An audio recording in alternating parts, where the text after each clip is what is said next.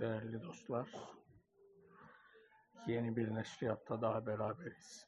Hepinizi saygıyla selamlıyorum. Bugün değinmek istediğim birkaç husus var. Evvela otomobille ilgili kısımlardan bahsetmek istiyorum.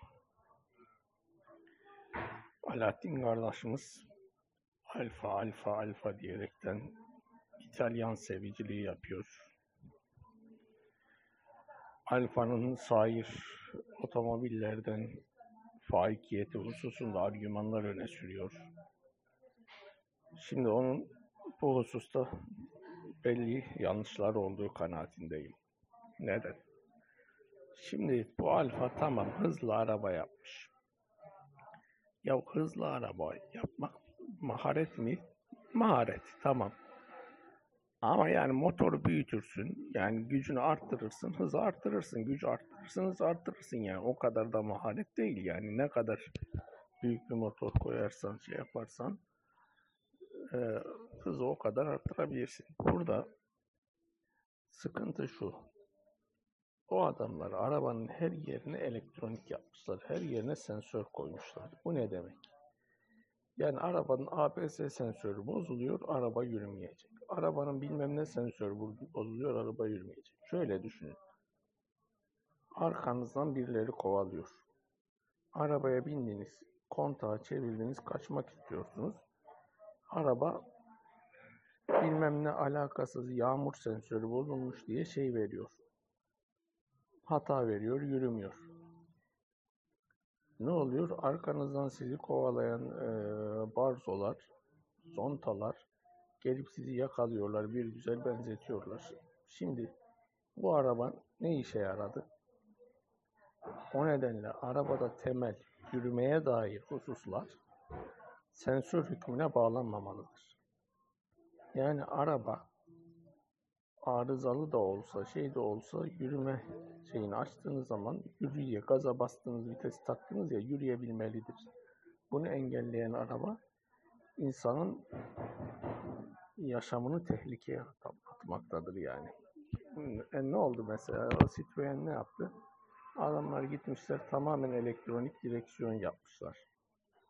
Yani tamamen elektronik direksiyon ne joystickle yönetiyorsun gibi arabayı. Ya akünün kutuplaşıp bir temassızlık yapsa bodoslama gireceksin bir yere. Biliyor musun? Yani şeyle fiziksel bağlantı yok yani. Ee, lastiklerle şey lastiklerle fiziksel bağlantı yok. Yani direksiyonu böyle güç şeyi olmadan, desteği olmadan elimle çevireyim desen çeviremiyorsun. Ya bunlar ciddi hatalar. E şimdi Lada'nın bu konudaki faaliyeti nereden geliyor? Şimdi Lada arabayı öyle yapmış ki yanında inşaat telidir, kürdandır, efendime söyleyeyim, çoraptır bir şey varsa arabayı her şekil, her ortamda yürütebiliyorsun. Bu mükemmel bir şey. Yani kaldığın şeyde ayı kovalıyor seni. Ayı yakalarsa arabayı, kapıyı açacak. Ayı kapı açmayı bilen bir hayvan. Seni yiyecek. Ne yapıyorsun? Kontağı çevirdin, astın gidiyorsun. Hatta lastiklerin patlak, farların yanmıyor, elektrik, her şey bozulmuş. Ayı daha önce bunları parçalamış. Araba yine yürüyor. Araba yine yürüdüğü için sen oradan, o ortamdan kendini kurtarabiliyorsun. Şimdi bu husus önemli.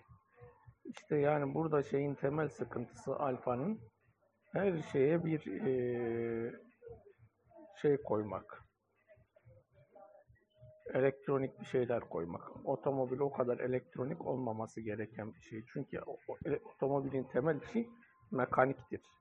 Bir yerden bir yere senin lastiklerin dönmesi suretiyle götürüyor. Bu elektronik bir olay değil, bu mekanik bir olay. Bu mekanik olayın mekanik kontrollerle yapılabilir olması gerekir. Şimdi bu hususu bu şekilde izah etmiş olalım.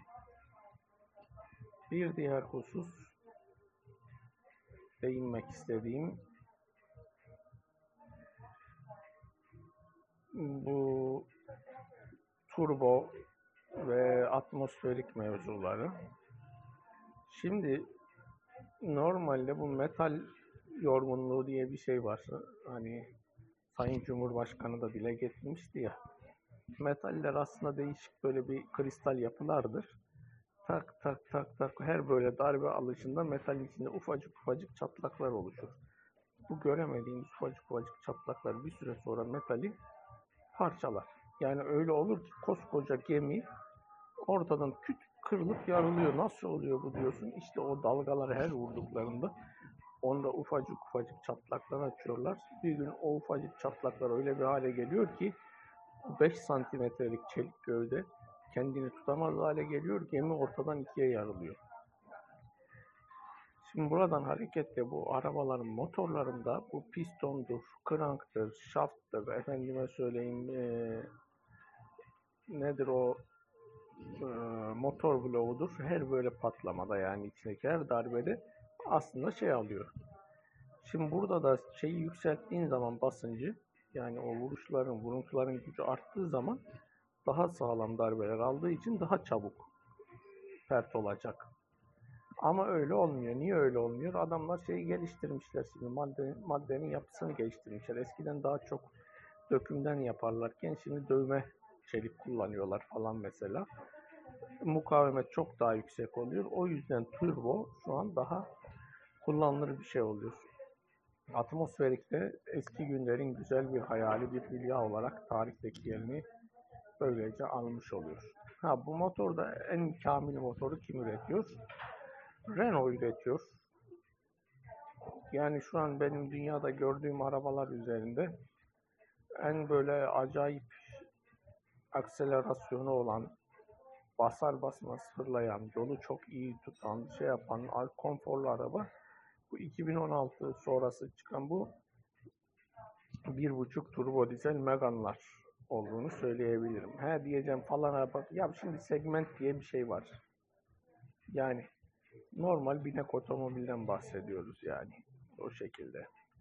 Hepinizi saygıyla selamlıyorum. Şimdi bir hususta arz etmek istiyorum. Neden böyle bir mesaj grubu oluşturduk? Şimdi bu mesaj grubunu oluşturmaktan maksadım bu yayınları kaliteli, seviye takipçilerimle paylaşabilmek. Yani herkes dinlemesin. Ha diyorlar ki e, o zaman bir Patreon hesabı açsan haşa haşa bir Patreon hesabı falan yani millet patronluk taslayacak. O bir kere bize ağır gelir. İkincisi gerçek kaliteli insanlar böyle bir şeye para vermezler. Böyle bir şey dinlemek. Yani para veriyorsa biraz gafil insandır o yani. E onlar için de neşriyat yapılmaz. En güzeli böyle bir grup kurup oradan paylaşmaktır düşüncesiyle neşriyatlarımı buraya taşıdım.